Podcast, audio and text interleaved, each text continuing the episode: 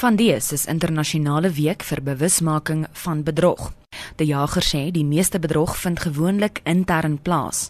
Hulle veldtog Faces of Fraud het gister afgeskop. Ons spandeer deesdae baie geld in opsigte van die bekamping van bedrog van mense wat van buite af kom om ons eh, stelsels te probeer access, as ek skuis vir die Engelse woord, maar die meeste bedrog vind eintlik intern plaas. 64% van alle bedrog word gepleeg deur mense wat binne ons werke is. So ons vertel jou waarvoor om te kyk, hoe om dit te bekamp en dan dan help ons jou met prosesse in plek te stel.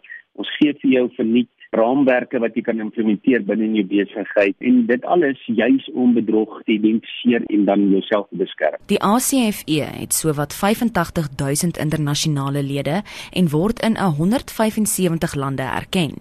Maar die jager sê die vereniging fokus ook daarop om burgerlike vletjieblassers bewus te maak van die korrekte prosedure. Wat ons hoofdoel is is om opleiding te gee aan ons lede en sowel as beskerming aan ons lede maar ook aan die publiek ten opsigte van hoe om bedrog op te spoor en dan ook hoe om professionele mense aan te stel.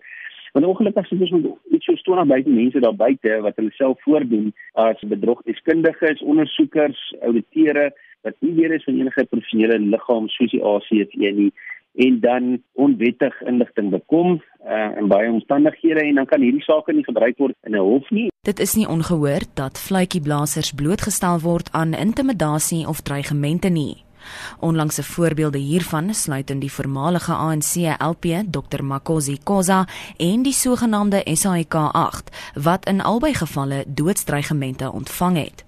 Die jager sê die wysigingswet is 'n begin, maar dat daar ook meer gedoen moet word om die algemene landsburger hierby in te sluit. Daar is nie genoeg beskerming nie. Ons voel baie agteroor want baie van ons lede is lykie blaasers en baie van ons lede se lewens word daagliks bedreig en ons het al gesien dat ons lede vermoor word. So ons is baie baie ernstig in die dryf van hierdie wet en ons het so ver nou gegaan om vir ons lede 'n kanaal net te skep waar ons die verantwoordelikheid vat. Kom rapporteer dan maar by ons sodat ons as 'n entiteit kan sorg dat jou identiteit beskerm word. Die probleem is wat van die nie professionele persoon wat nie 'n lid is van een van ons liggame nie. En dit is hoekom ons een baie bly is oor die nuwe wet, maar ook baie ernstig is dat dit nie daarmee stop nie. Ons het al klaar verdere wysigings voorgestel wat ons hoop die staat ons sal kyk. Hy sê die gedrag van 'n handjievol korruptes het 'n uitkring effek op alle aspekte van ons alledaagse lewe. Hy meen etiek begin by die algemene landsburger. Ons land verloor baie naby aan 160 miljard rand deur die staat en dan baie naby aan 200 miljard in die uh, private sektor. En dit het 'n impak op dienslewering. Uh, as ons kyk na hoe ons baie lyk, like, ons kyk en luister na hierdie fees mas vol en ons kyk na skooliere wat nie boeke kry nie. Die een of twee persone wat betrokke is met hierdie tipe van van handelinge het 'n impak op elke een van ons. Maar tog beskerm baie van die mense daar buite, die bedrieërs. Hulle kan sien hierdie ou kan nie hierdie salaris kry en daai tipe kar ry. Hy kan nie hierdie salaris kry en daai hoeveelheid eiendom hê nie. Maar ons bly stil.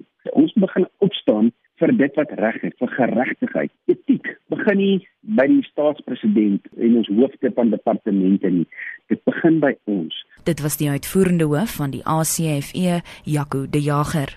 Ek is Joan Marie Verhoef vir SAK nuus.